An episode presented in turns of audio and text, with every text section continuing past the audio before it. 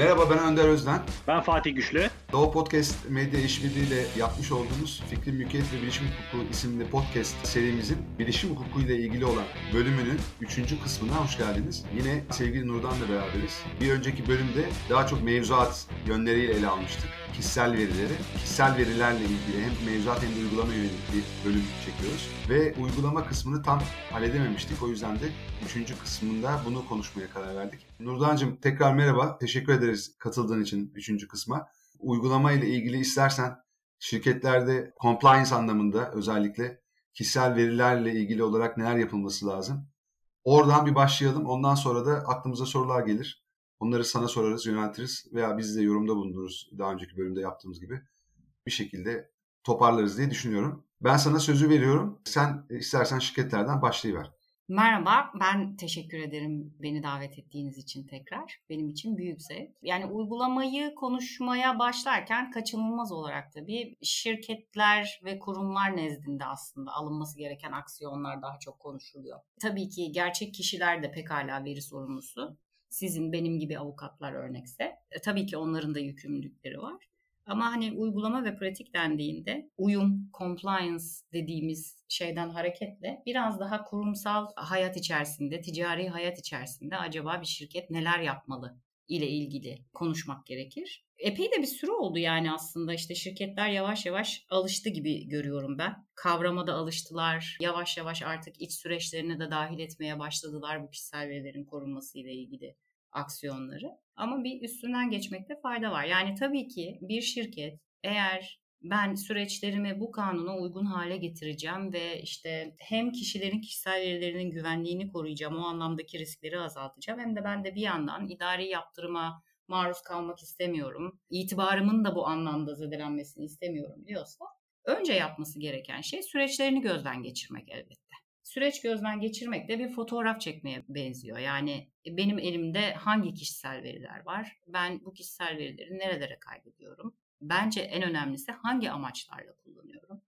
Üçüncü kişilerle paylaşıyor muyum? Ya da bu kişisel verileri benim adıma işleyecek bir takım third partilerim var mı? Veri işleyenlerim var mı? noktasında bir checklist oluşturmaları gerekiyor. Bunu fonksiyon bazında, departman bazında yapmak çok daha etkin, çok daha pratiğe dönük bir şey. Yani İnsan kaynakları ayrı şekilde ele alınır. Finans muhasebe ayrı şekilde ele alınır. Satış pazarlama ayrı şekilde ele alınır.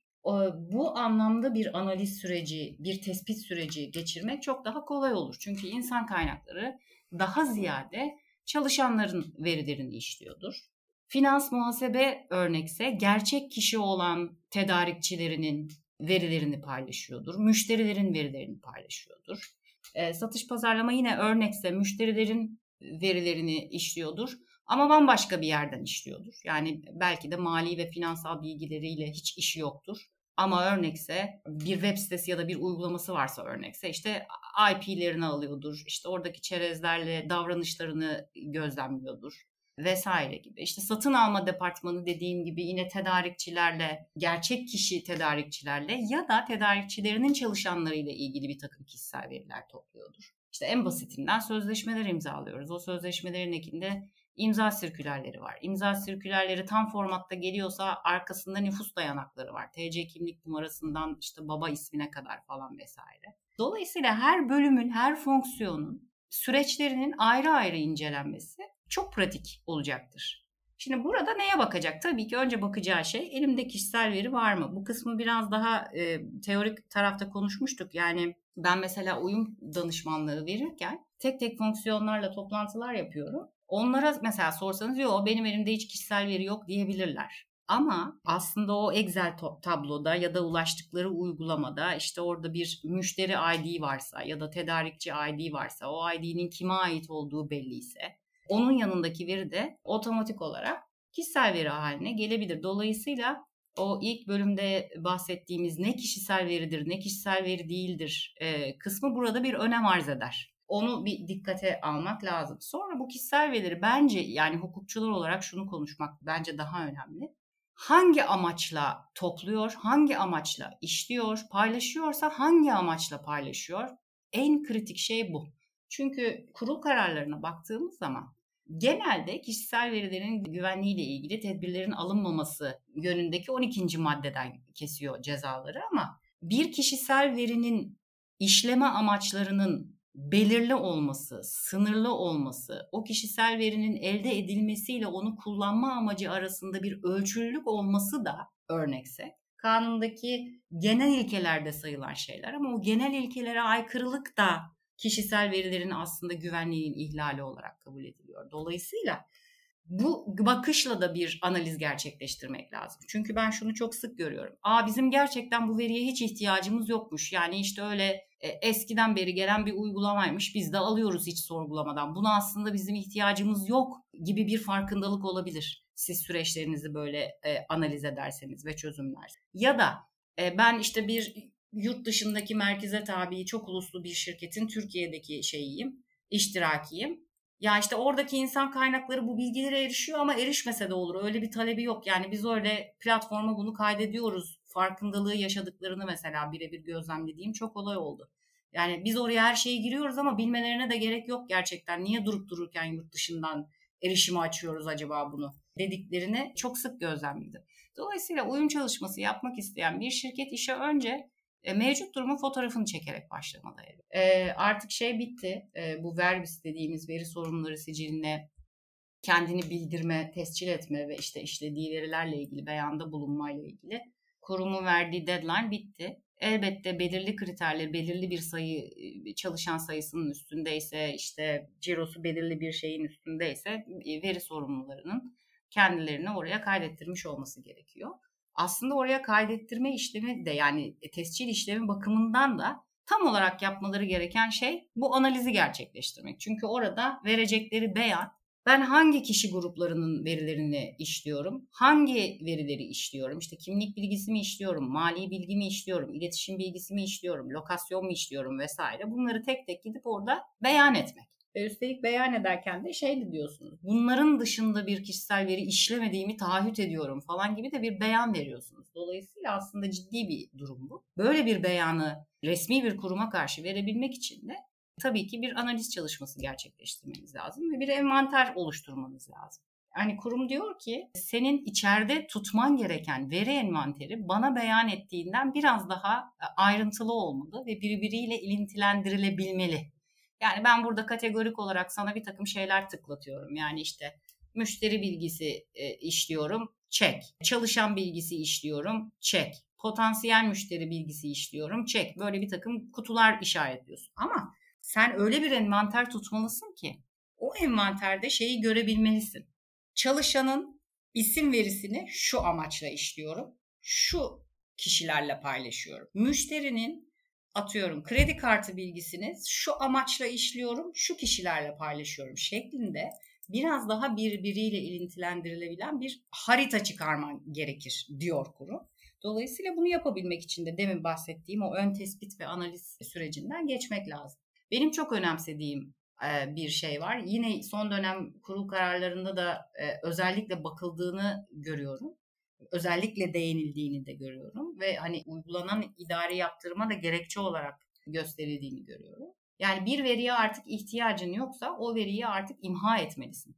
E, bir kişisel veriye artık ihtiyacın yoksa, onu işlemekle ilgili amacın ortadan kalkmışsa artık sistemlerinde barındırmamalısın ya da işte fiziksel ortamda saklıyorsan bunları imha etmen gerekir silmen gerekir, yok etmen gerekir. Bir takım analizler için kullanmam gerekir diyorsan anonimleştirerek saklayabilirsin. Ama yani artık ihtiyacın yoksa, artık işleme amacın ortadan kalktıysa bunları silmen lazım kısmını özellikle vurgulamak istiyorum. Çünkü bence compliance çalışmaları ilk kısmı belki yapıldı önemli şirketler tarafından. Yani o bahsettiğimiz analiz süreci, tespit süreci, işte envanter oluşturma, işte kurma, vergi tescil falan. Ama e, şeyden şüpheliyim. Yani bu düzenli, periyodik, sistematik bir imha sürecini oturtabildi mi şirketler? Bundan çok emin değilim işin doğrusu. Çünkü o bir şey, o bir iş gerçekten. Ama yapılmak da zorunda. Bu çok köklü ve yapısal bir çalışma gerektiriyor. Belki teknik de destek alarak. Yani benim nerelerde ne verilerim var, bunlar hangi sürelerden sonra silinsin. Otomatik olarak silinebiliyorsa ne güzel ama bunun çok zor olduğunu görüyoruz. Dolayısıyla öyle ya da böyle manuel bir operasyon gerçekleşmesi gerekiyor gibi anlıyorum ben. Yani bu imhadan sorumlu artık bölüm kim olacaksa genellikle IT oluyor. O onun e, her bir zaman geldi işte periyodik bir imha süresi belirledi çünkü kurum işte 6 aylık bir takım vesaire e, periyotlar belirledi. Mesela diyelim ki şu şu şu veriler şu tarihten itibaren artık kullanılmıyor.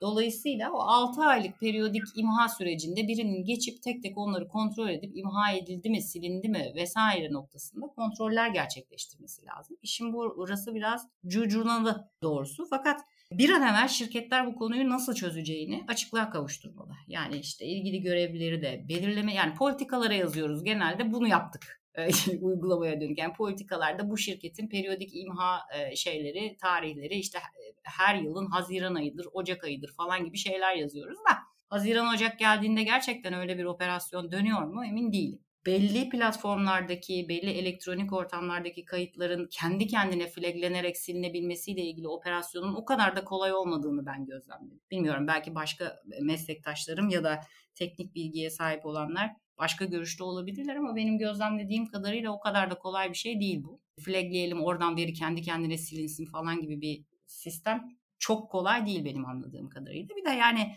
çok çeşitli şeyler var tabii ki. Kurumlar var. Hani kimisinin altyapısı çok güçlü, global bir IT tarafından yönetiliyor. IT çözüm ve destek anlamındaki bütçesi çok daha yüksek. Dolayısıyla oraya kaynak ayırabiliyor, böyle şeyler alabiliyor, çözümler, yazılımlar vesaire ama kimisi de alamıyor örnekse.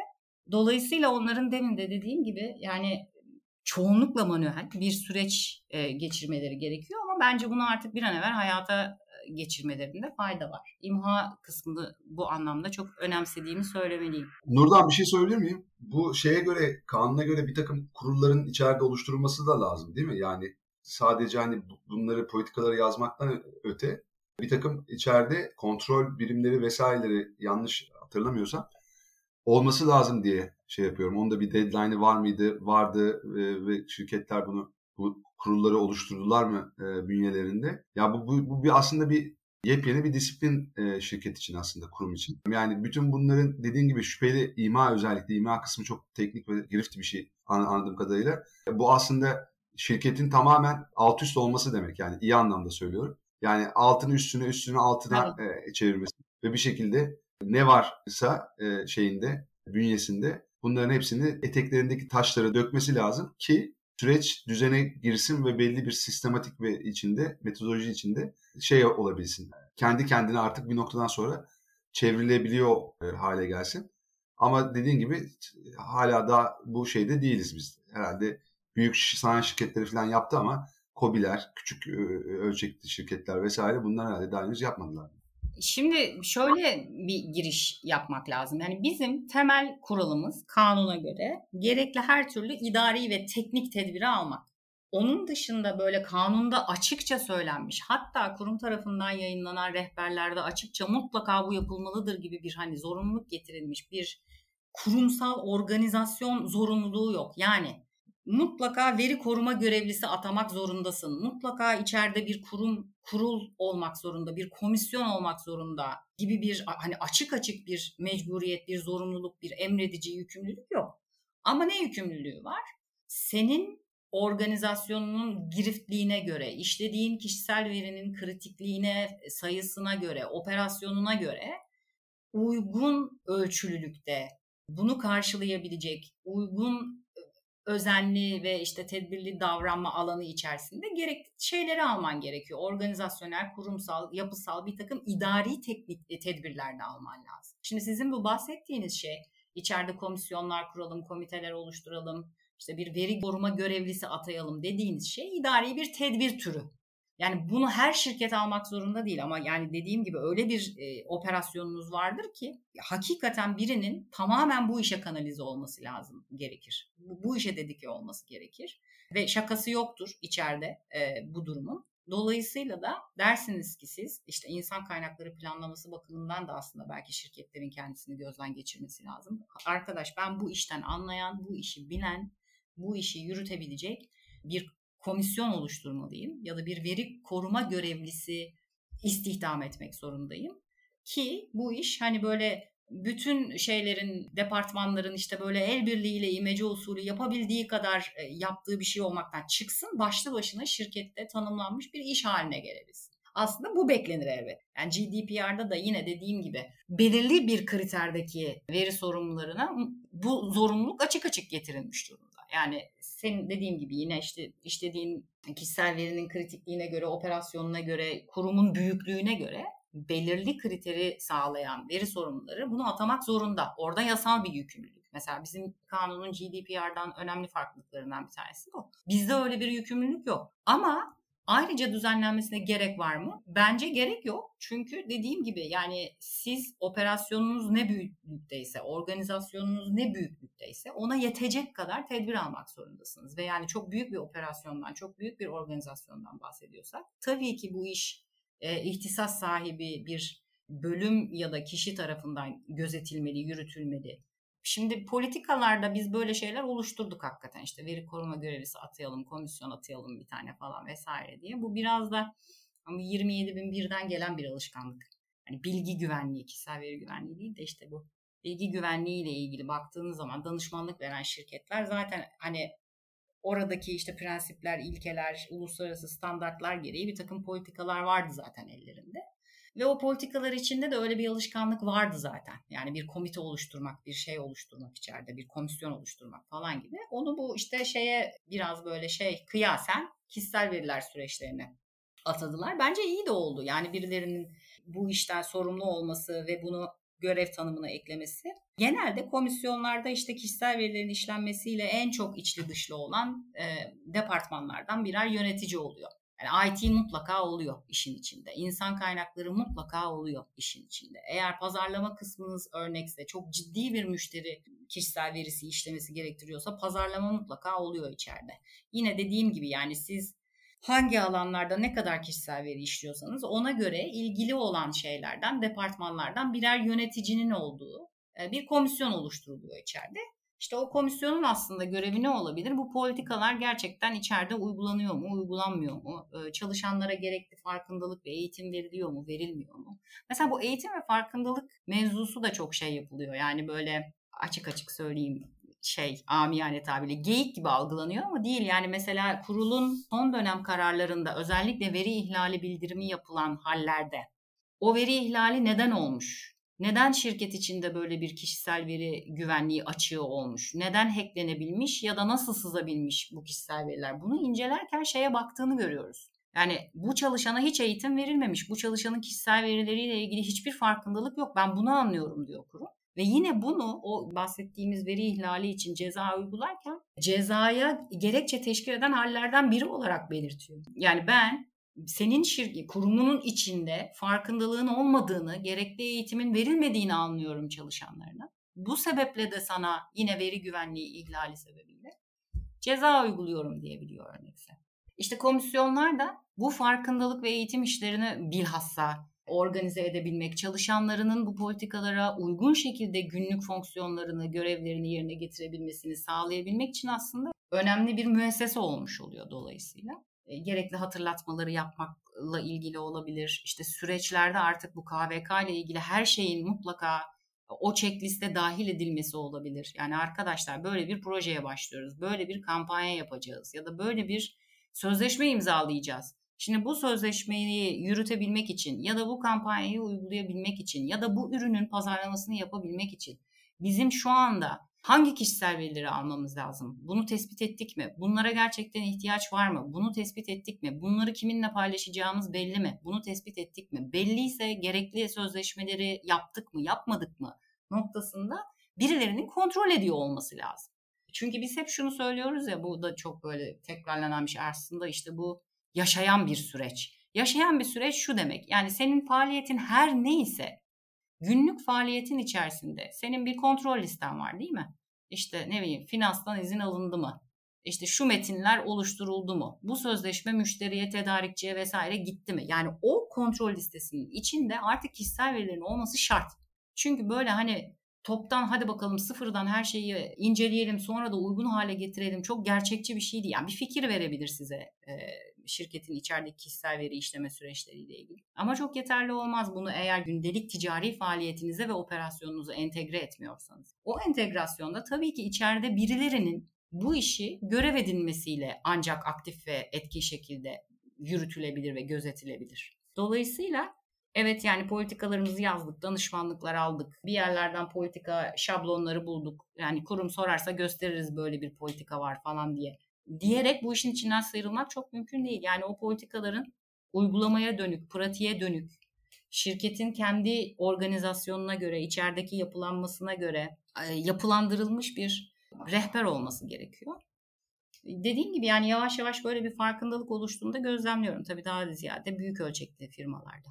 Nurdan bir araya gireceğim. Bu şeyi ben şöyle anlıyorum. Aslında bu mesele kişisel verilerin işlenmesi ve korunması ve veri ihlallerinin önüne geçilebilmesi aslında tamamen stratejik bir mesele. Yani hani şirketlerde destek birimleri vardır, stratejik birimler vardır. Hukuk mesela destek birimi olarak görülür şey pazarlama satış e, stratejik birimdir. Ve böyle bir birimin oluşturulması aslında e, eğitimlerle vesairelerle aslında farkındalıkları arttırarak şart gözüküyor. Ama tabii bu şey nasıl gördüğüne bağlı şirketlerinde. Yani gerçekten bunu stratejik bir mesele olarak mı e, ele alıyor ve irdeliyor ve algılıyor? Yoksa bunu aslında bir külfet olarak mı görüyor? Yani bir noktada ciddi veri işlerken aslında hiçbir şey işlemediğini mi düşünmeye çalışıyor? Körlük mü yaratıyor kendi kendine içeride bir takım zahmetleri nedeniyle bu işin? Ve, ve ben hani şey gibi yani belki bunu teyit etmeni istediğim için bunu söyledim. Yani veri ihlalleri diğer bir sorun çünkü şey veri ihlalleri nasıl oluşuyor? Tamam eğitim yok, farkındalık yok. E, bir kişi veriyi ihlal ediyor şirketin içindeki. Bir başkası olsa belki bunu e, da farkındalığı daha yüksek olduğu için yapmayacak. Bu ihlali gerçekleştirmeyecek. Yani böyle bir şeyin üzerinde, bir ipin üzerinde ilerleyen bir süreç gibi sanki. Yani stratejik ele alınmadığı sürece mesele bunu daha böyle ya olsa da olur olmasa da olur işte bir şekilde bunu zamanla yaparız biz. Kervanı yolda düzeriz. Mantığıyla sanki pek el yordamıyla gidecek, e, götürülecek bir süreç değil yani. Ben biraz onu hani teyit etmeni ve hani veri ihlalinde bunu bağlamayı Yol neden olarak evet evet şey yapmanı e, rica Ya faaliyete bağlı tabii ki. Yani işte ne bileyim bir kariyer sitesi olabilirsiniz siz. İşte bir CV bankası olabilirsiniz ya da bir elektronik ticaret sitesi olabilirsiniz ya da mesafeli satış yapılan bir şey aplikasyon ya da uygulama ya da hizmet veriyorsunuzdur. Yani tamamen elektronik ortamdan hizmet veriyorsunuzdur. Yani işte aklımıza getir gelebilir, yemek sepeti gelebilir vesaire. İşte WhatsApp gelir, kullandığımız diğer elektronik uygulamalar gelir, oyun şirketleri gelir, bankalar gelir, sigorta şirketleri gelir falan vesaire. Dediğiniz çok doğru. Yani bence destek olmaktan ziyade tamamen stratejik bir şey. Yani genelde destek olarak bakılıyor. Yani hukuk neyse KVK, compliance'da o falan vesaire gibi ama öyle değil. Faaliyete bağlı ama dediğim gibi. Yani siz mavi yakayla çalışan tamamen üretim sektöründeki bir firmada olabilirsiniz. Ve hiç işiniz yoktur yani sizin işte müşteri verisiyle şununla bununla. Ama çok yoğun bir çalışan verisi işliyorsunuzdur bu defada. Hani özellikle de özel nitelikli kişisel veriler işlemek noktasına eğilmek gerekebilir. Yani çünkü mavi yakada sağlık bilgisinin işlenmesi çok sık gündeme gelebilen bir şey. Çok sık raporlar alınıyor, hastalanıyor, iş kazası, meslek hastalıkları falan vesaire. Sendikal bilgiler örnekse alınabiliyor, işlenebiliyor vesaire gibi. Çünkü fabrikalarda işte üretim tesislerinde yüzlerce belki de binlerce işçi çalıştırıyorsunuz ve yani oradaki operasyon da bambaşka bir kişisel veri işleme süreci gerektiriyor örnekse. Dolayısıyla sizin faaliyetinize göre, işte operasyonunuza göre tabii ki kritiklik düzeyi farklılık arz edecektir ama ben dediğinize yüzde yüz katılıyorum yani. Daha ziyade stratejik bakmak lazım. Veri ihlalleri dediniz. Şimdi diyor ki kanun sen kendi kurumun içinde diyelim ki bir veri ihlali tespit ettin. Bu ne olabilir? Hacklenebilirsin, veriler sızmış olabilir, veriler çalınmış olabilir. Yani kişisel verilerin güvenliği compromise edilmiştir, riske girmiştir. Bununla ilgili bir ihlal vardır yani artık güvenlikle ilgili bir sıkıntı yaşıyorsunuz. O zaman yapman gereken şey en kısa süre içinde kimin kişisel verisi etkilenmişse bundan o ilgili kişiye bununla ilgili bir kere bir bildirimde bulunacaksın. Eğer çok fazla insan etkilenmişse ve tek tek bildirimde bulunma imkanı yoksa kendi web sitenden duyuracaksın. Diyeceksin ki arkadaşlar verilerimizi çaldırdık. Sadece bu insanlara değil kuruma da bildirimde bulunacaksın. Diyeceksin ki ben böyle bir kendi kurumum içinde veri ihlali tespit ettim. Etkilenen kişi sayısı şu. işte bunun meydana gelme sebebi bu. Etkilenen veri grupları şunlar, olay şöyle gelişti, ben şöyle tespit ettim, ben şu tedbirleri aldım ya da şu şekilde çözdüm falan vesaire. Şimdi veri ihlaline ilişkin yani bu bildirimlere ilişkin çok fazla bildirim olduğunu görebilirsiniz. Kişisel verilerin koruması kurumunun web sitesine giderseniz orada apayrı bir sekme var yani veri ihlal bildirimleri diye. Orada kurum da kamuoyuna duyuruyor. Yani diyor ki bana böyle bir veri ihlali bildirimi geldi vatandaş haberin olsun. Yani ben şimdi bu podcast içinde çok fazla şirket ya da marka ismi almak istemiyorum fark etmişsinizdir. Ama yani çok bilindik işte dediğim gibi işte CV sitelerinden ne bileyim ben mesafeli satış yapan işte böyle yemek getirip götüren e, web sitelerinden falan bankalardan çok ciddi veri ihlal bildirimleri oldu. Ve dediler ki işte şu kadar kişinin verisi çalındı, bu kadar kişinin verisi hacklendi falan. Şimdi ben oraya baktığım zaman ve kurum bu bildirimler üzerine tabii ki bir soruşturma başlatıyor, bir inceleme başlatıyor.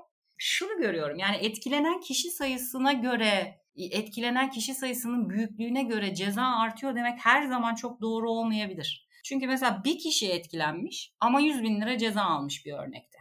Diğer bir yandan da mesela 257 bin kişi etkilenmiş, 200 bin lira ceza almış falan gibi böyle hani çok da böyle bir matematiğine oturtamadığımız farklı kararlar görüyoruz dediğim gibi mesela şeye bakıyor. Şuna da çok bakıyor. Onu da hemen söyleyelim. Ne zaman tespit ettin? Bana ne zaman bildirdin? Buna çok baktığını gördüm ben. Hani yapılan veri ihlali bildirimleri üzerine kurulun verdiği kararlarda şeye çok fazla değiniliyor. 5 ay sonra tespit etmişsin kardeş. Bir, bir sene sonra tespit etmişsin. 2 sene sonra tespit etmişsin. Yani bu senin gerekli kontrolleri düzenli olarak yapmadığını bana gösteriyor diyor. Oradan mesela bir tanesinde diyor ki ihlali yani bu veri ihlali sen 2 yıl sonra tespit etmişsin. Sadece bunun için sana 30 bin lira veriyorum diyor. Toplamda bir 62 kişi etkilenmiş. Ona 100 bin lira vermiş ceza. Artı bir de 2 sene sonra tespit etmesi sebebiyle 30 bin lira daha varmış mesela ceza. Sadece tespit etmek bakımından da değil bana da geç bildirmişsin diyor. Bana 55 gün sonra bildirimde bulunmuşsun diyor. Dolayısıyla bu işi çok ciddiye alıyor. Yani bir kere kanunun emredici hükmü, veri ihlali varsa bunu bildireceksin. Artık bundan kaçış yok. Bildirmediğin zaman da ceza yiyorsun. Bildirdiğin zaman da ya da geç bildirdiysen geç bildirdiğin için ayrıca ceza ödüyorsun. Olayın oluş şekline göre de gerekçelendiriyor kurum. Yani mesela bir tanesi de diyor ki evet bütün tedbirleri almışsın e, ama orada bir çalışanın yüzünden böyle bir şey yaşadığını görüyorum e, diyor ve ona göre belki biraz daha makul tutuyor şey. Mesela bir tane bir örnek var bir çalışan gitmiş kafede çalışıyor. Kafede kamuya açık Wi-Fi var ve e, işte orada SSL sertifikaları falan da olmadığı için üzerinde çalıştığı uygulamanın çaldırıyor şirket verisini örnekse. Evet orada teknik bir takım tedbirlerin de yerinde olmadığına ilişkin tespitler var ama demin konuştuğumuz gibi şeyle ilgili de tespit var. Yani bu adam nasıl bu kadar yani bu çalışan nasıl bu kadar rahat olabilir? Demek ki bir farkındalığı yok. Yani senin bu kişilere senin kesinlikle şirket dışına çıkarmaman lazım kişisel veriyi. Kişisel verileri güvenlik zafiyetine maruz bırakacak yerlerde çalışmaman lazım. Yetkisiz erişime kesinlikle maruz bırakmaman lazım gibi bir takım idari tedbirler almalıydın. Yani eğitim vermeliydin, eğitimlerini tekrarlamalıydın falan filan vesaire gibi. Dolayısıyla hani veri ihlallerinde böyle çok net bir formül vermek mümkün değil. Yani şu olursa böyle oluyor, bu olursa böyle oluyor falan gibi ama şunu görüyorum dediğim gibi. Yani sadece teknik tedbir, aa işte hacklenmiş demek ki sen tedbirleri alamamışsın. Şeyler sık çıktı, sıklıkla vurgulanıyor örnekse. Demek ki sen logları doğru düzgün tutmuyorsun mesela. Hani bu da bir gösterge. Diyorken senin iki yıl sürdüğüne göre bunu tespit edebilmen demek ki sen doğru düzgün log tutmuyorsun içeride diyebiliyor örnekse. Bir örnek var mesela çok enteresan. Bankada bankaların kredi kayıt bürosunun sistemine girip aslında sorgulama yapması mümkün biliyorsunuz. Bunun yasal bir zeminin de var yani. Dolayısıyla yapabiliyor banka çalışanları böyle bir şey. Ama mesela bir banka çalışanının çok fazla sorgulama yaptığı, çok sık sorgulama yaptığı anlaşılıyor. Bunun üzerine de hatta anlaşılıyor ki işte başkaları için yapıyormuş bu sorgulamayı not alıyormuş kağıtlara bunları işte ekran görüntüsü çekiyormuş falan filan. Dolayısıyla bankanın müşterisi olan hatta bankanın müşterisi olmayan kişilerin finansal kredi durumlarıyla ilgili bilgileri üçüncü kişilere veriyorlarmış. Şimdi baktığın zaman bu çalışanın KKB'de sorgu yapabilmesinin yasal bir zemini var. Bunu yapabilir, yapamaz diye bir şey yok. İşte bankanın bu anlamdaki işte teknik tedbirlerini de aslında öyle ya da böyle aldığı anlaşılıyor. Fakat bu sefer kurumda diyor ki yani o zaman şunu getirmen gerekiyor senin. Yani bir çalışan şu kadardan fazla aynı anda ya da bir saat içinde sorgulama yapamamalı gibi bir sınır getirebilirsin. Sınır getiremiyorsan bu gerçekçi değilse gerçekten çok fazla sorgulama yapması gerekiyorsa uyarı çıkarmalısın. Yani çok fazla sorgulama yaptınız diye. Ya da bir alarm sistemi, bir hatırlatma sistemi olmalı. IT'ye bilgi gitmeli yani bu adam bir saat içinde şu kadar sorgulama yaptı gibi. Dolayısıyla her somut olayın özelliğine göre kurumun farklı farklı tespitlerde bulunduğunu görüyoruz. Ama önemli tespitler bir, hakikaten benim özellikle şirketlere söylemek istediğim şey çalışanların eğitimi ve farkındalığı. Birincisi bu. İkincisi log kesinlikle artık bir gereklilik yani kim nereye erişti, ne yaptı, ne etti falan vesaire gibi. Yani güvenlik yazılımı kullanımı, işte şifreli tutmak falan bunlar zaten standart ama dediğim gibi hani logo özellikle ve ayrıca belirtmemin sebebi şu zamanında tespit etmiş olmalısın. Yani çok kısa bir süre sonra tespit etmiş oluyor. Ben bunu iki sene sonra tespit ettim. Beş ay sonra hatta bir tane şey var. Beş ay sonra tespit var. Hani iki sene bir sene olmasına gerek yok. Beş ayı da geç bulmuş kurum. Yani beş ay sonra tespit etmişsin. Demek ki düzenlemiyorsun ya. Alarm yok, hatırlatma yok, denetim yok, kontrol yok diyor. İşte o yüzden logo özellikle belirtiyorum. Diğer teknik tedbirlerden biraz daha ayrıksı olarak. Hemen tespit etmek gerekiyor. Hemen bildirmek gerekiyor. Kişiye, kişilere de ama web sitesinden ama etkilenen kişi sayısı azsa bizzat kendilerini kuruma da. Dolayısıyla e, dediğiniz gibi yani bu artık stratejik bir şey olmak zorunda. Yani birilerinin bu işte ilgileniyor olması, gerekli tedbirleri anında alabiliyor olması, işte zafiyetleri anında tespit ediyor olması lazım. İşte sız, sızdırma, sızma testleri falan vesaire mutlaka periyodik olarak yapılsın gibi böyle yine papağan gibi çok ezberlenmiş şeyler var ama bunu sadece bilgi güvenliği olmaktan çıkarıp kişilerin anayasal haklarının da güvenliği e, ile ilintili olduğunu hatırda tutarak daha stratejik bir yerden yaklaşıyor olmak gerekiyor. Orası muhakkak. Ve ben şey de bu verdiğin örnekler tabii çok çarpıcı da aynı zamanda. Yani bir şey hukuka uygun olsa bile başta sonra aşırı derecede şey yapıldığı evet. için, aşırı derecede e, görüntülendiği için. Bu yine kanundaki dördüncü maddede var. E, bu, bu konuşmamızın başında da söyledim. Mesela veri güvenliği ihlali diye ceza kesiyor ama yani bu illa işte vay açık rıza almadın, vay gerekli teknik tedbirleri uygulamadın demek zorunda değil. Yani tamam senin buna erişme hakkın var ama sen bunu ölçülü kullanıyor musun, kullanmıyor musun? Buna da bakıyor. Ve yaptığın şey ölçülü değilse bunun için de ceza kesebiliyor. Yani veri güvenliği ile ilgili alabileceğiniz cezalar sadece işte ay bunların güvenlikleri tehlikeye girdi değil. Yani hukuka uygun olması gerekiyor. Genel prensiplere uygun olması gerekiyor. Tekrar ediyorum yani biz hukukçular bakımında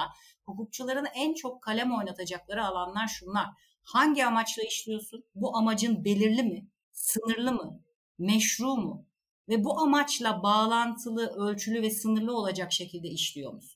Anlatabiliyor muyum ne demek istedim? Ben kendimi mutlaka korumak evet. için işliyorum. Tamam çok güzel de yani bunun sınırlarının belirli olması gerekiyor. Bunun makul bir süresinin olması gerekiyor. Senin işleme faaliyetin, o andaki işleme fiilinin o belirlediğin amaçla orantılı ve ölçülü olması gerekiyor. Eğer öyle değilse o zaman da e, kanunu ihlal etmiş oluyorsun ve o zaman da idari yaptığından kaçamıyorsun. Bir de burada özel nitelikli e, kişisel veriler var. Onlar mesela sağlıkla ilgili vesaire Oralarda da bir takım izin prosedürleri falan var galiba değil mi? Onlara da uymamak veriyle. Tabii yani e, özel nitelikli kişisel evet. verilerin yani ona biraz değinmiştik işte teorik e, kısımda biliyorsunuz. Hani Evet, uygulamasının uygulamadaki tabii, yansımaları. Tabii tabii tabii. Şeyi hatırlatarak ama e, ilerlemek isterim.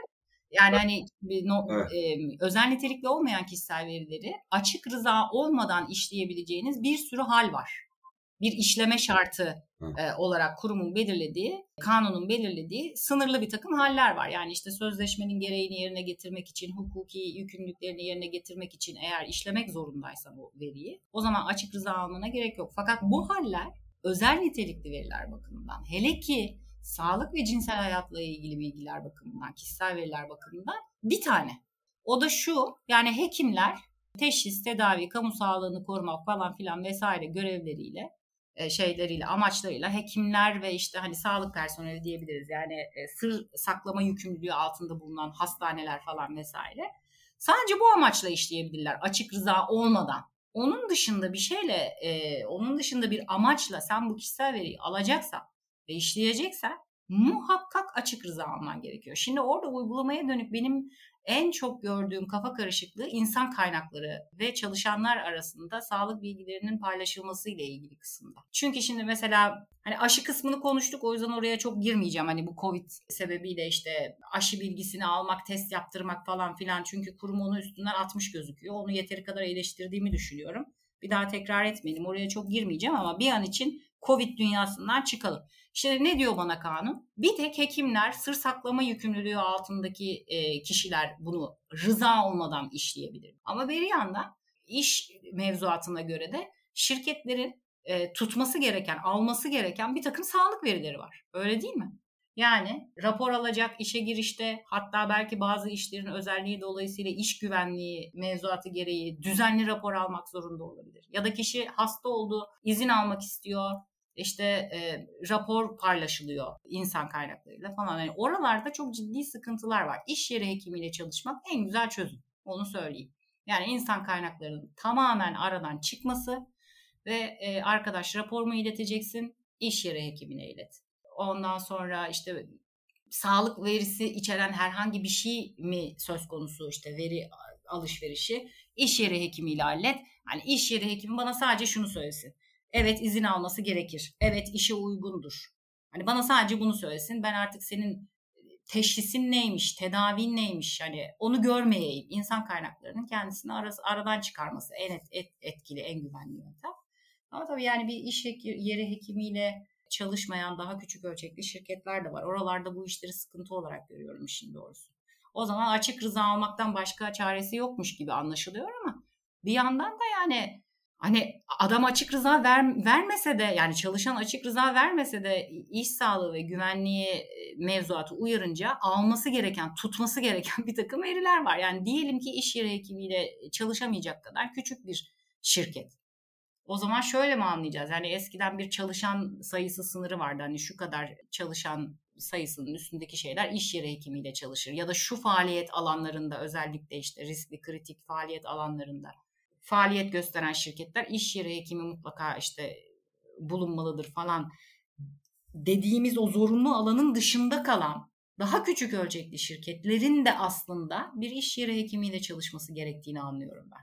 Oradaki şey çok kritik yani sağlık verisinin sadece sır saklama yükümlülüğü altındaki kişilerce ve sadece teşhis tedavi işte koruyucu sağlık vesaire amaçlarıyla işleyebiliyor olması onun dışında ne olursa olsun sadece şeyle işleniyor olması, açık rıza ile işleniyor olması çalışanların ve e, işverenlerin e, arasındaki bu özel sağlık yani özel nitelikli verilerin paylaşımı muhafazası bakımından bence hala kafalarda soru işareti olan bir şey. Ama yani içim rahat etsin diyor, diyorsa bir şirket iş yeri hekimiyle çalışacak ve insan kaynaklarını bu süreçten çıkaracak yani bu böyle. Bence çok önemli bu söylediğin dinleyenler açısından da e, ilgilenenler e, olabilir. Çok aslında pratik bir çözüm. Ya şöyle önerisi. şeyler de var yani özel sigorta yaptırıyor mesela çalışanlarına diyelim ki işte o zaman böyle bir takım şeyler formlar dolduruluyor ya kronik hastalığınız var mı ameliyat geçirdiniz mi şu bu falan filan gibi o işleri insan kaynakları hallediyor örnekse. Eskiden insan kaynakları kontrol ediyordu. Öyle bir alışkanlık vardı yani bütün formları şurasını boş bırakmışsın burasını yazmışsın falan gibi ama kavak gibi de özel nitelikli sağlık veri şey yapıyor. Yani orada ya rıza alacak orada alabilir. Çünkü diyebilir ki yani benim sana özel sağlık sigortası yaptırabilmem için benimle bunları paylaşman gerekiyor diyebilir. Ama bence o da tartışmalı. Yani çünkü şöyle de halledebilir insan kaynakları bunu. İş yeri hekiminin olmadığını varsayalım. Bana kapa bunu yap, doldur, kapalı zarf içinde ver. Ben görmek istemiyorum. Ben bu kapalı zarf içindeki doğru doldurduğundan emin ol. Eksik varsa hani sorun çıkabilir. Hatırında tut. Doğru düzgün doldurduğuna emin ol der. Ve kapalı zarfta alır sadece. Yani hiç bulaşmaz oradaki veriye. Kapalı zarfı da aynen gönderir şeye sigorta şirketine. Artık hani böyle e-maillerle formları göndermek falan gibi süreçler tabii artık kabul edilebilir süreçler olmaktan çıktı. Yani e, bu elden mi vermesi gerekiyor? Bir yöntem olarak söylüyorum yani hani dediğim gibi ya açık rıza alacak ki bence o da tartışmalı olur. Çünkü yani işverenin eşit davranma çalışanlarına eşit davranma şeyi var. Öyle değil mi? Yükümlülüğü var. Dolayısıyla bana rıza veriyorsan sana özel sigorta yaptırıyorum, vermiyorsan sigorta yaptırmıyorum demek çok şey gelmiyor bana, makul gelmiyor. Bir kere zaten işverenle çalışan arasındaki o güç ve şey farkı da hani baskı kurabilme farkı da verilen açık rızanın özgür iradeyle verilip verilmediği noktasında sorgulanabilir bir durum ortaya çıkarıyor. Yani çalışan vermek zorunda hissediyor kendini bu açık rızaya. O zaman bu ne kadar sağlıklı bir açık rıza olabilir değil mi? Dolayısıyla orayı biraz sorunlu buluyorum. Eğer öyleyse ve yani dediğim gibi bir iş yeri hekimi falan da yoksa o zaman yani aklınıza ne geliyor başka? Yani ben insan kaynakları insan kaynakları olarak görmek istemiyorum senin şeyini. İşte geçir kronik hastalıklarını, geçirdiğin rahatsızlıkları, geçirdiğin operasyonları bana bunu kapalı zarfta ver. Anlatabildim mi? Kapalı zarfta ver. Ben de ya da yani zaten çok gelişmiş çok gelişmiş şirketlerde şöyle şeyler oluyor. Ee, yani ya mesela örnekse çalışan gönderecekse bu formu doğrudan sigorta şirketine gönderiyor. İnsan kaynakları yine tamamen aradan çıkıyor. Bu da bir çözüm. Anlatabildim mi ne demek istediğimi? Çünkü sigorta şirketinin bakması evet. lazım. Aslen o yüzden de şirket İK'sının bunu bilmesi şart değil, bir kayıp değil. O yüzden de bir çözüm bu. Yani evet. özel nitelikli Net verileri yeterli. özellikle gündeme getirmeniz gerçekten çok yerinde. Hani eğer pratiğe dönük bir şeyler konuşuyorsak insan kaynaklarının bilhassa bu sağlık verileriyle ilgili operasyonlarını kesinlikle gözden geçirmesi ve mümkün mertebe kendisini sürecin dışında tutmasını ben tavsiye ediyorum. Fatih galiba bir şey söyleyecek. Ya bir de şeyi değinelim mi diye düşünmüştüm ben. Yani bir şirkette çalışan kişi o şirkette yıllar içerisinde edinmiş olduğu mesela müşteri portföyü bunu alıyor ve başka şirkete geçiyor, e, oraya götürüyor. Hani bu çalışanların götürmüş olduğu bu bilgilerle ilgili olarak bu çalışana karşı böyle bir olayla karşılaşıldığında şirket nasıl tedbirler almalı başta? Sonra böyle bir olay olduğunda hangi yollara başvurmalı? Hani birazcık da buraları da tartışmalı, tartışmalı bir konu diye böyle bir soruyu sormak istedim sanki. Orada şey var, benim yakınımın şirketinde olmuştu. Bilgisayarı alıp dışarı çıkarıp şirket bilgisayarını oradaki bilgileri şey yapmıştı, aktarmıştı kendi bilgisayarına ya da işte external hard diske ve o bilgi güvenliği ihlaliydi şirket içinde. Ama bir yandan da kişisel verileri de almıştı. Tabii o zaman bu bahsettiğim 10 yıl önce falan aşağı yukarı. Tabii o zaman kişisel veriler vesaire olarak bunlara bakılmıyordu çok fazla Türkiye'de. Dolayısıyla o günkü yaklaşımımız da kişisel verilerin ihlali bağlamında da eksikti e, bence hukuki açıdan. Ben bunu da hani ekleyerek orada bilgi güvenliği ihlali ve aynı zamanda da artı bugün itibariyle artık bildiğimiz üzere kişisel verilerin de ihlali orada bir çalışanın davranışı sonucunda gerçekleşmiş olabiliyor. Yani eğitim ve farkındalık kısmını bir kere daha vurgulayayım ama çok uzatmayayım. Yani şirket içinde artık çalışan herkesin bunun çok ciddi bir konu olduğunu farkına varması lazım. Yani bunu yine aynı amiyane tabir kullanacağım. Geyik olarak görme lüksü yok artık kimsenin. Ee, birincisi bu. İkincisi yani yine dediğim gibi işte external disk diyorsunuz mesela. Yani kişisel verilerin hiçbir şekilde USB'ye aktarılmamasını sağlayacak e, bir takım teknik tedbirler var örnekse. Ya da işte dediğim gibi hani şüpheli bir dışarıdan bir erişim olduğu anlaşılıyorsa yani şirket network'ünden değil de işte kişi uzaktan çalışıyordur, kafede çalışıyordur neyse anlaşılıyorsa bazı yerlere girememesini sağlayabilirsiniz. Ya da IT'ye uyarı gidebilir falan filan tedbirler var. Ama bu tedbirleri sonsuz bir tedbir almak mümkün değil. Riski sıfıra indirmek mümkün değil. Yani bunu hatırlamıyorum ilk seanslarda konuşmuş muyduk ama ben cep telefonumu çıkarıp ekran görüntüsü de alabilirim. E, fotoğrafını da çekebilirim örnekse. Kağıda da not al- alabilirim falan vesaire. Bunun önünü kapatmak çok mümkün değil ama her şeyden önce alabileceğimiz her türlü tedbiri aldığımıza emin olmamız lazım. İlk yapılması gereken şey bu. Onu önce bir hatırlatayım. Çünkü mesela ben yine hatırlıyorum bir IT yöneticisiyle e, bir toplantıda. O da işte benim şimdi söylediğim şeyi söyledi. Yani tamam yani alalım hadi bu tedbirleri de şimdi biraz lüks olarak gördü çünkü ya da işte böyle çok aşkın tedbirlermiş gibi geldi ona. Abartılıyormuş gibi geldi. Alalım ama işte yani fotoğrafını çekerse ne yapacağız? Yani ben bilemem ki ağzıyla söylerse ne yapacağız falan gibi. O zaman da ona şey demiştim. Yani ya nasıl olsa hırsız işte alttan tünel kazarak da bu evin içine girebilir. O zaman ben neden kapımı kilitleyeyim ki diye düşünmeye benziyor bu. Anlatabiliyor muyum? Yani bunun kabulü mümkün değil. Kurul zaten hiç kabul etmez. Dolayısıyla ilk söyleyeceğim şey o riski ne kadar azaltabiliyorsanız azaltacaksınız. Tabii ki hemen idari olarak akla işte bir takım gizlilik sözleşmelerinin, kişisel verilerin korunması ile ilgili protokollerin imzalanması gerekiyor. Çok etkin yaptırımlar uygulamak istiyorsanız işte mesela maaş kesintisi yapmak falan gibi. E, biliyorsunuz işte maaş kesintisi yapabilmek için yani bununla ilgili bir içeride bir yönetmelik yönerge olması lazım. Bir disiplin yönetmeliğinin olması lazım. Bunun yönetim kurulu tarafından onaylanmış olması lazım. E, disiplin kurulunun bir karar vermiş olması lazım. Yani öyle kafanıza göre ücret kesintisi falan yapamıyorsunuz. Bunu özellikle söylemek isterim çünkü Bence yine insan kaynakları ve şirketler eğer varsa e, disiplin yönergelerini, yönetmeliklerini gözden geçirip onun içine kişisel veri ihlalleriyle ilgili ayrıksı halleri mutlaka dahil etmeliler ve karşılığında ne yaptırım uygulanacağını da belirlemeliler. Maaş kesintisi mi yapacak, kınama mı yapacak, fesih sebebi mi vesaire. Bir kere böyle bir tedbir almakta fayda var. Yani bu yapısal ve organizasyonel bir şey. Ne yapılabilir çalışana karşı? Tabii ki Türk Ceza Kanunu kapsamında kişisel verilerin hukuka aykırı olarak paylaşılması vesaire e, kaydedilmesi e, aynı zamanda suç olarak belirlendiği için savcılığa başvuracak ve suç duyurusunda bulunacak. Eğer bu nedenle idari para cezası aldıysa şirket ki alabilir dediğim gibi yani gerekli tedbirleri almadıysa falan vesaire sonuçta sorumluluktan kurtulamaz yani çalışanın üstüne atarak. Onunla ilgili işte hani rücu etme, tazminat davası açma falan gibi bir takım yöntemlere gidebilir. Bunlar yapılabilir tabii ki ama yani suç duyurusunda bulunmak, tazminat talep etmekten önce içeride bunun mümkün mertebe sıfıra indirilmesi için ciddi bir prosedürün belirlenmesi şart bence. Nurdancığım orada hemen şimdi yine araya girmek istedim. Önleyici hukuk mentalitesi aslında devreye girmeli. Yani bu meseleleri e, uyuşmazlık oluşmadan, bir ihlal gerçekleşmeden aslında burada önleyici bir yaklaşımla olayları halletmek ve düzene sokmak gerekiyor anladığım kadarıyla.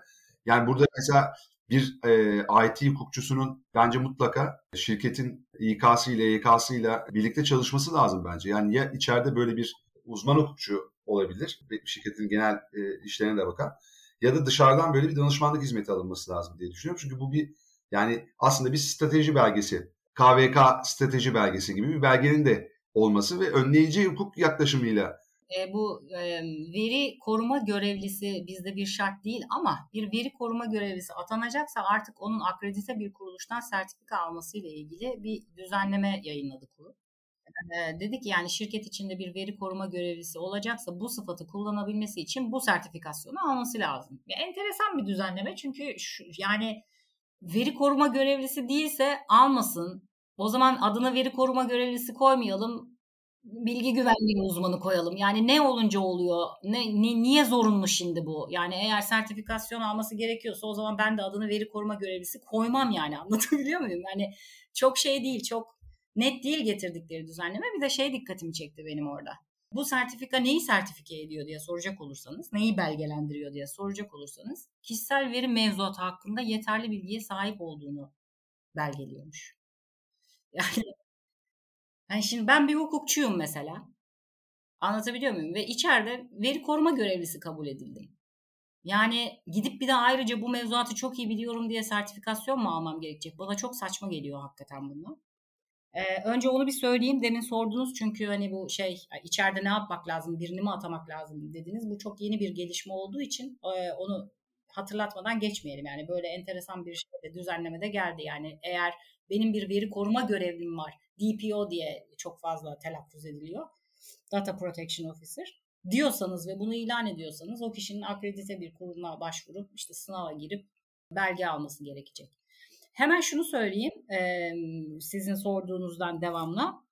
Eğer içeride bir komite oluşturmak ya da işte bir şey atamak gibi bir organizasyonunuz yoksa aynen dediğiniz gibi yani bu işte uzman, ihtisas sahibi bir hukukçudan danışmanlık alabilirsiniz. Dolayısıyla da o hukukçunun ihtisas alanı dahilinde e, sırt sırta çalışabilirsiniz. İnsan kaynakları departmanınızda çalışabilir, pazarlama departmanınızda çalışabilir. Bu şeyde seansta çok değinmedik ama hani bu açık rıza alma durumları, işte açık rıza metinlerinin hazırlanması, aydınlatma kanundaki şartlara uyuyor mu, uymuyor mu? Bunların gözden geçirilmesi noktasında da dışarıdan da pekala bir şey almanız mümkün. Hukuki danışmanlık almanız mümkün. Hatta gerekli, hatta yerinde olur yani. Önleyici hukuk yaklaşımı o zaman burada hakim aslında. Yani bu sonradan bir sorun çıktığında hukukçuya danışma değil, baştan düzeni kuran, bunu denetleyen, gözeten, monitör eden ve belgelerin doğruluğunu teyit eden veya bunları hazırlayan bir uzman hukukçunun. Bizim fikri haklarda da öyle. Yani biz de hep bunu söylüyoruz şirketlere. Mutlaka bir fikri haklar hukukunda uzmanlaşmış bir stratejist e, bir hukukçunun şeyde board'da olması lazım yani veyahut da işte o tüm ilgili partilerle birlikte çalışıyor olması lazım. Ve bunun süreklilik arz ediyor olması lazım. Yani bu bir önleyici hukuk yaklaşımı, metodu e, ve bu her zaman olması gereken bir şey. KVK ile ilgili bütün meselelerde de ben aynı şeyi e, görüyorum, anlıyorum senin söylediklerinden. Böylelikle hem stratejik bir mesele demiş olduk hem de önleyici hukuk yaklaşımıyla ele alınması Mesela gereken bir mesele demiş olduk karar, KVK çoğu ilgili. karar aydınlatma metninin yeterli olmaması ya da kanuna uygun olmaması, açık rızanın doğru düzgün alınmaması ile ilgili. Birazcık oraya da girelim yani girmeden bu bölümü kapatmayalım. Mesela WhatsApp bence kararı yine yeni bir karar kurulun. 1950 mi kesti? Yani 2 milyona yakın ceza kesti WhatsApp'a. Kritik bir karar. Çünkü orada diyor ki yani sen bir hizmet getiriyorsun ve diyorsun ki böyle bulk bir metin oluşturuyorsun, torba bir metin. Senin verilerin yurt dışına çıkacak, Facebook'la paylaşılacak, şöyle olacak, böyle olacak ve dolayısıyla o hizmetten faydalanmak isteyen bir kişinin açık rıza buna e, bunu kabul etmekten başka şartı kalmıyor. Dolayısıyla ben bunu açık rıza olarak kabul edemem diyor. Anlatabildim mi ne demek istediğimi? Çünkü sen hizmetten yararlanmanın zorunlu bir şartı olarak bunu dayatıyorsun kişiye. Dolayısıyla senin öyle bir metin oluşturman lazım ki o metinde bunları ayrıştırman gerekiyor. Yani ben şu verilerini Facebook'la paylaşabilir miyim? Ben kişisel verilerini yurt dışına çıkarmama izin veriyor musun? Gibi ayrı ayrı ayrıştırarak kişilerin buna ayrı rıza verdiğinden emin olman gerekiyor. Yani bunu da ben yine böyle çok oturup teorik olarak tartışılabilir buluyorum işin doğrusu. Yani bu benim hizmetim, hizmetimin koşulu da bu. Koşullarını sana anlatıyorum. Diyorum ki bu hizmetten faydalanmak istiyorsan benim serverlarım yurt dışında yani. Dolayısıyla kabul ediyor musun bu şartlarla bu hizmeti? Demek bana çok da böyle ay çok aykırı falan gibi gelmiyor. Belki kurumun söylemeye çalıştığı şey onu ayrıştır ki ortalama bir kişi anlasın neye izin verdiğini olabilir. Anlatabiliyor muyum?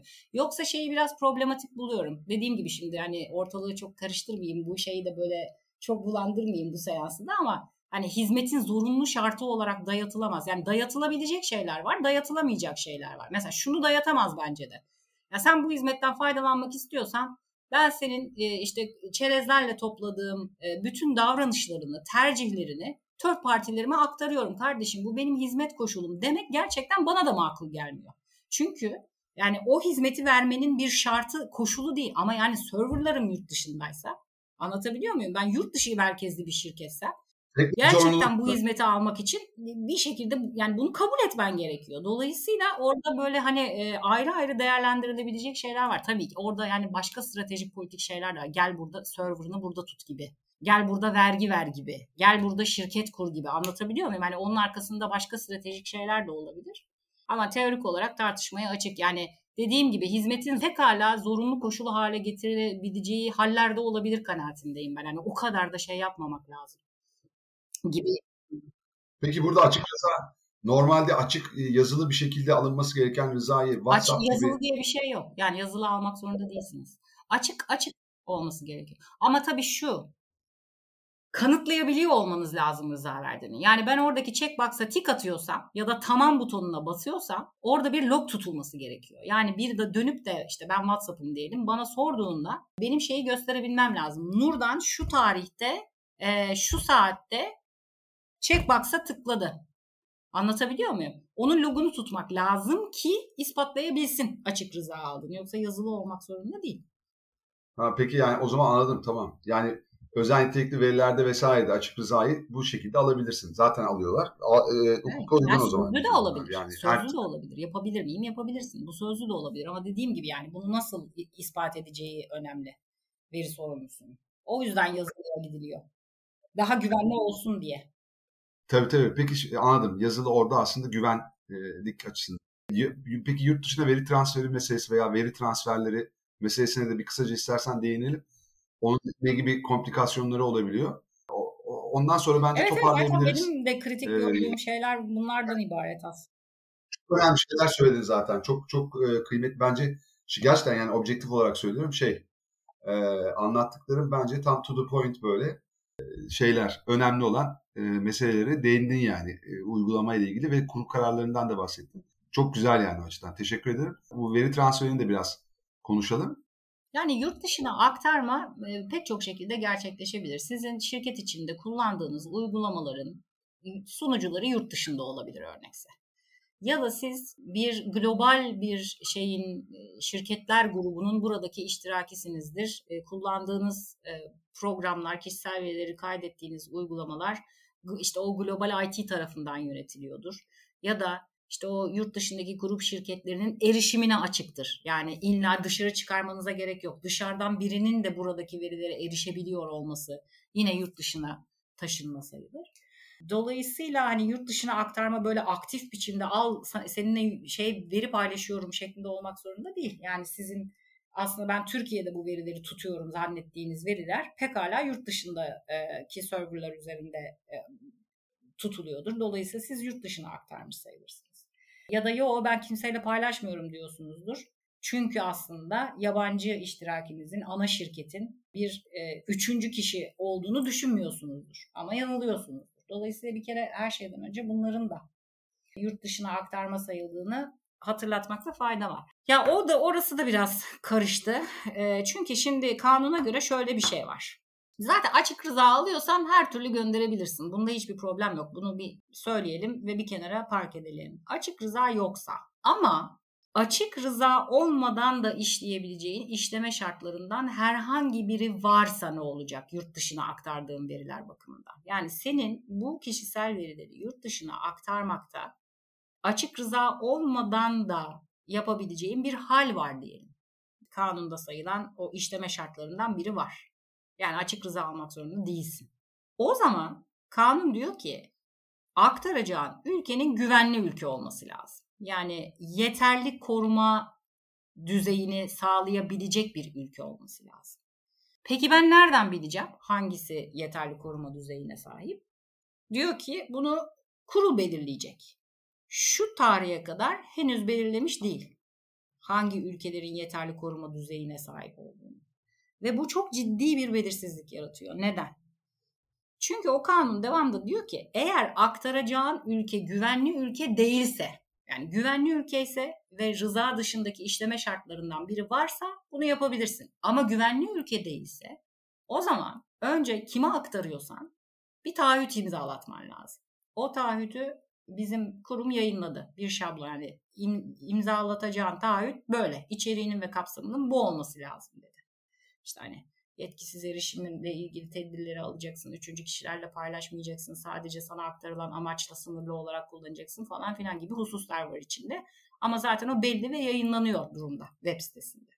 Bu taahhütnameyi imzalattın mı? İmzalattın. Sonra o taahhütnameyi alacaksın. Gideceksin kurula başvuracaksın. Diyeceksin ki işte benim şu amaçlarla şu kişisel verileri şu third party ya şu üçüncü kişiyle yurt dışındaki üçüncü kişiyle şu ülkedeki e, üçüncü kişiye paylaşmam gerekiyor. Böyle de bir taahhüt aldım. Lütfen verileri yurt dışına çıkarmak için bana izin verir misin? Orada gen, çok geniş bir takdir hakkı var kurumun. Ee, yani şeylere nelere baktığını söylüyor da e, şunlara bakıyor. Yani karşılıklılık var mı? Yani o da benim e, beni güvenli ülke gibi kabul ediyor mu? E, işte hani Türkiye'ye olan şeyi nasıl o ülkenin veri aktarımı ile ilgili şeyi nasıl e, nasıl konumlandırmış kendini o karşılıklılık kısmına bakıyor. Orada bağımsız bir veri koruma otoritesi var mı yok mu ona bakıyor. Orada bir yasal mevzuat var mı kişisel verilerin korunması ile ilgili ona bakıyor falan vesaire gibi. Nelere baktığı belli ama onun dışında başka sebeplerle de red etme, red etme yani bu izin vermeme ihtimalinin olduğunu anlıyoruz. Yani işte yine kamu güvenliği şu bu falan filan vesaire gibi bir takım e, torba geniş yetkileri kullanarak pekala izin de vermeyebilir. Yani çok geniş bir takdir hakkı tanınmış durumda kuruma. izin verip vermeme noktasında. O zaman yani niçin kişiler e, daha doğrusu kurumlar böyle bir sürece girsin güvenli ülke belirlenmeden sorusu akla geliyor.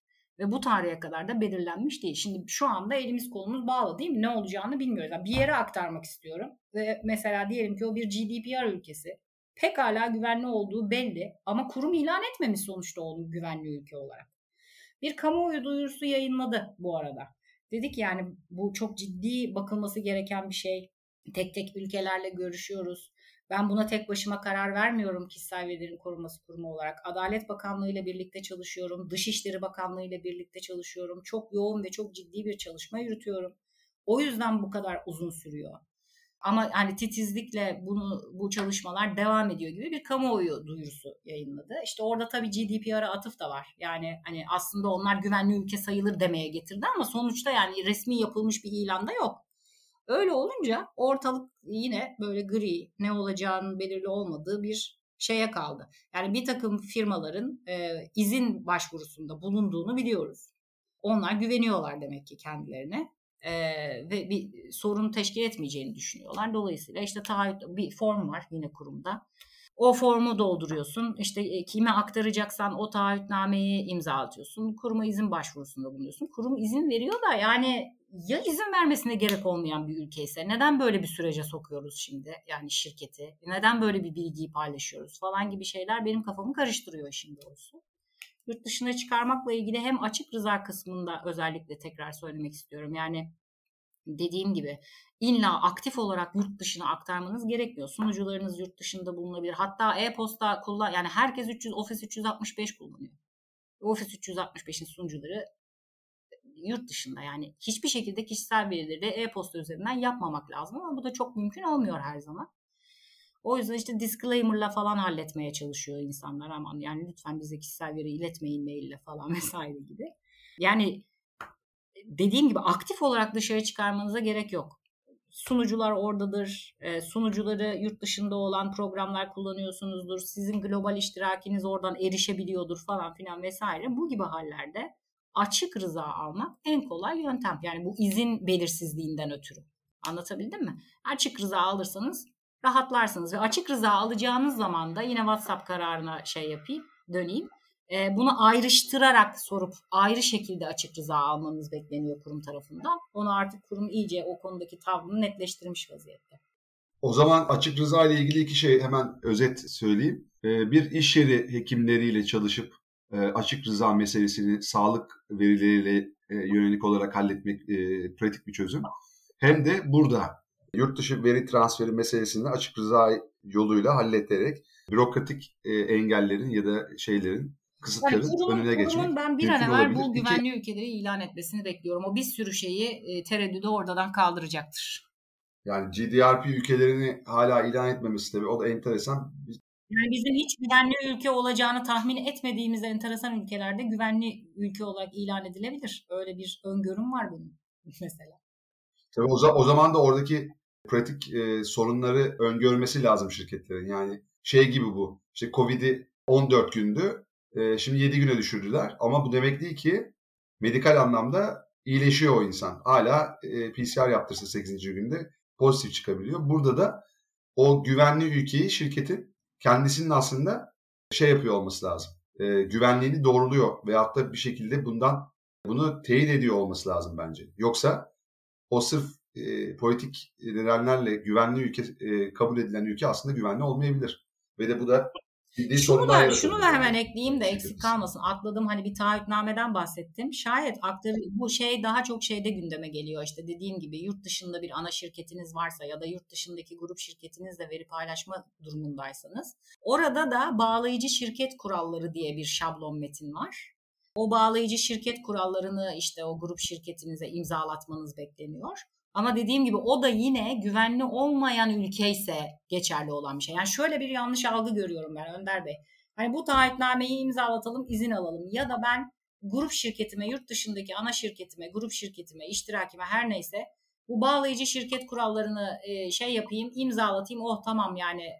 Yani bunu imzalatmana gerek olmayabilir. Kanuna göre güvenli ülke ise bu şeye prosedüre hiç girmene gerek olmayabilir. Fakat tabii bu belirsizlik nedeniyle şunu söyleyelim şirketlere. En azından yurt dışında grup şirketi olan firmalar bakımından bence imzalatıp geçsinler en azından. Yani izin başvurusunda bulunmasalar bile o bağlayıcı şirket kurallarını imzalatmakta fayda var. Eğer operasyonel olarak ya da yönetimsel olarak çok karşı çıkılmıyorsa global tarafından. Öyle bir ek tedbir almayı düşünebilirler. Onu da söylemiş olayım. Peki bağlayıcı şirket kurallarını imzaladığı zaman artık o taahhütnameyi imzalaması yani Durumu ayırmış işte. Yani grup şirketlerine zaten aşağı yukarı aşağı yukarı şeyler belli benzer. içerikler, kapsamlar benzer de şeyi ayırmış. Yani grup şirketin ise bağlayıcı şirket e, kurallarını imzalat. Başka bir third party ise taahhütname imzalat gibi. Fatih demin o şeyini açtı mikrofonu e, bir şey söyleyecek yok, galiba e, Fatih'ciğim. Demin, demin senin söylemiş olduğun şeyi söyleyecektim. Yani her geçen gün işte teknolojinin gelişmesiyle ve teknolojinin gelişmesi sonucu e, oluşturulan yasalarla e, önleyici hukukun önemi ortaya çıkıyor e, diye düşünüyorum. Yani e, hukuk birimleri herhalde belli bir süre sonra hani destek biriminden ziyade stratejik birimler olarak birimler olarak şirketler nezdinde yer alacaklar veya öyle tanımlanacaklar diye düşünüyorum. Bizim de hukukçuların da bu minvalde kendilerini bu portföyde geliştirmeleri gerekecek şeklinde bir gözlemde bulunuyorum Nurdan anlattıklarından. Hani bizim toplumun içine yerleşmiş e, bir hallederiz abi gibi bir ertelemeci yapımız var ya. Yani ister istemez böyle bir kültürü de herhalde bu tip düzenlemeler ortadan kaldıracakmış gibi geliyor. iyi de olacakmış da gibi geliyor açıkçası. Daha daha e, daha e, medeni, daha dijital çağa uygun bir zihniyetin aslında öncülü olabilecek şeyler bunlar. Ve bir şekilde zorlayıcı olması açısından da değişim zaten o şekilde gerçekleşiyor. Zorlayıcılığı açısından da çok önemli. Yani KVK ve fikri haklar hukukları gerçekten ülkeleri dönüştüren, dolayısıyla şirketleri dönüştüren bir zorlayıcı bir şeye sahip. Tabiata sahip sahipler ve bu da çok önemli bence. Önleyici hukuk açısından da vesaire bu şeylerin yerleşmesi açısından. Ben önemsiyorum. Bizim Nurdan'la yaptığımız şey de 3 bölümde bence KVK üzerinde de bunların hepsini açığa çıkardı. Bu açıdan da çok kıymetli. Bilgiler KVK paylaşmış noktasında oldu. yani bir, bir baskı unsuru daha var. O da ilgili kişilerin kendisi. Ben giderek e, insanların, bireylerin çok daha konuda da, daha çok farkındalık sahibi olduğunu ve bilinçlendiğini e, gözlemliyorum. Kendi müvekkillerimden de gördüğüm kadarıyla biliyorsunuz kanunda onu da konuşmuştuk. Hani konuşmuş muyduk onu da hatırlamıyorum. Gerçi de kişiler başvurabiliyor ya veri sorumlusuna ve bir takım şey, taleplerde bulunabiliyorlar. Yani sen benim numaramı nereden buldun, kişisel verilerimi ne için kullanıyorsun, kiminle paylaşıyorsun gibi şeyler sorabiliyorlar. Bu ciddi bir baskı unsuru olmuş durumda. Çünkü e, bir süre var. 30 gün içinde bir dönüş yapmanız lazım. Yaptığınız dönüşün tatmin edici olması lazım. Eğer ilgili kişi tatmin edici e, bulmuyorsa verdiğiniz cevabı dönüp sizi kuruma şikayet ediyor. En çok da oradan zaten bu kurum kararları genelde buradan oluyor. Yani henüz şu an resen bir soruşturma yürüttüğü çok az sayı var. Çok az durum var kurumun. En büyük baskı unsuru da kişilerin kendileri. Onu da söyleyeyim. Dolayısıyla e, ve hani kişiler de mevzuatı çok bilmedikleri için haklı ya da haksız, yerli ya da yersiz pek çok yani bir kere e, şey olması, irite olması yeterli yani hani kafası bozuluyorsa bu sürece giriyor ve bu sürece çok daha kolay girdiğini görüyoruz artık. Bilinçlenmişler çünkü. Bu iyi de bir şey bir yandan. Ama böyle bir baskı unsuru olduğunu da unutmaması lazım şirketlerin. İşte size bir aksiyon daha yani içeride kendilerine ilgili kişiler tarafından yapılacak başvuruları yönetebilecek de bir e, süreç tasarlamaları gerekiyor 30 gün içinde yeterli ve tatmin edici bilgi verebilmek için. Orada da yine aslında önleyici hukukun bir parçası olarak görmek mümkün. Yani o kişiye ne kadar doğru düzgün bir dönüş yaparsanız o kadar sizi kuruma şikayet etme ihtimalini azaltmış oluyorsunuz. Bu da başka bir önleyici yaklaşım. Evet, çok güzel. Ee, peki son bir soru ben size sormak istiyorum. Gerçekten şey derli toplu bütün bunları bir şekilde halletmiş ve çok istekli bir şekilde bu süreci kendi içinde comply etmiş, uyumlaştırmış e, şirketler var mı? Senin gördüğün, bildiğin gerçekten hani yani holdinglerin var, bazıları var, var, yapmış tabii. olabilir Türkiye'deki. Var benim müvekkillerim arasından da var ama yani en güzel yapanı da en süper yapanının da mutlaka bir yerlerde operasyonda zorlandığını görmek mümkün. Yani benim çalıştığım müvekkillerim içine süreçlerini çok güzel oturtmuş şirketler var.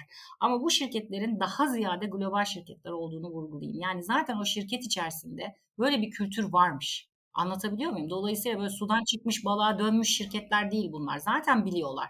Zaten yurt dışındaki iştiraklerinden, grup şirketlerinden yardım alıyorlar, destek alıyorlar, asiste ediyor şirketler. Bak şu süreci belirleyeceksin, bak politikaların böyle olacak, bak şunu yapacaksın falan gibi. Dolayısıyla çoğu çoğu şirkete nazaran e, bu süreci son derece profesyonel götüren şirketler var. Ben en çok sıkıntıyı yine söyleyeyim imha kısmında görüyorum. Orada bence herkesin başı dertte. Yani toplu imhadan başka çare yok gibi gözüküyor. Ya kıyacaklar bazı verilere ve imha edecekler yani. Onu böyle çok süper oturtmuş, kendinden çok emin bir şirket şu ana kadar görmedim. Onu söyleyeyim. Belki de vardır ben bilmiyorumdur ama ben görmedim. Fakat şunu da görüyorum onu da söyleyeyim. Yani eğer siz özellikle bu işi çok ciddiye alan bir firma ile çalışıyorsanız ve o firma ile sizin aranızda kişisel veri alışverişi varsa, bilhassa veri işleyen statüsündeyseniz, yani hep veri sorumlusu olma bakımından konuştuk ama yani bir firma bir başka firmanın veri işleyeni de olabilir. Bu bir bordrolama şirketi olabilir, bir IT şirketi olabilir. Ne bileyim ben finansal danışmanlık veren bir şirket olabilir. Dolayısıyla siz aslında başka bir veri sorumlusu adına da bu işi yapıyor olabilirsiniz. Belki bir seans daha çıkaralım mı veri işleyenler bakımından? yapılması gerekenler değil. Yok şaka yapıyorum. Ee, hayır şunu söylemeye çalışıyorum. Böyle bir durum varsa mesela ben şunu gözlemliyorum artık Önder Bey. Ben seninle bir sözleşme imzalamıştım. Bu sözleşme uyarınca seninle bazı kişisel veriler paylaşmıştım. Lütfen o kişisel verileri imha et ya da bana iade et. Sana 15 gün süre veriyorum. Raporunu tut. Bana da raporunu ver diyen talep yazıları artık yavaş yavaş görüyorum.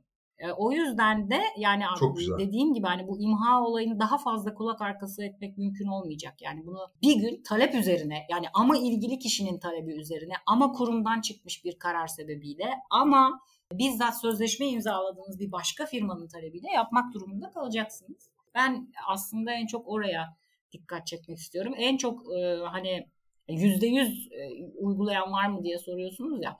Yani açık rıza aydınlatma işini çok ciddiye alan, teknik tedbirleri alabileceği en üst düzeyde alan çok şirket var. Dediğim gibi bilhassa işte internet ortamında faaliyet gösteren şirketler bu durumun farkındalar. Ama hani özellikle şey imha ve farkındalık kısmını belki biraz daha ciddiye almak gerekebilir. Onu söyleyebilirim. Bence şey oldu bu da son noktayı koymuş olduk. Cidden bayağı bir bilgi e, ve işe yarar bilgi daha doğrusu. Hani anlamlı veri dediğimiz, anlamlı verilerin e, toplandığı bir bölüm oldu. Çok teşekkür ediyorum. Umuyorum. Ben teşekkür ediyorum vakit ayırdığınız için. Sabırla beni dinlediğiniz Çok sağ ol. için. Fatih'ciğim var mı senin son söyleyeceğin Çok bir mutlu şeyler? oldum sizlerle birlikte olmaktan.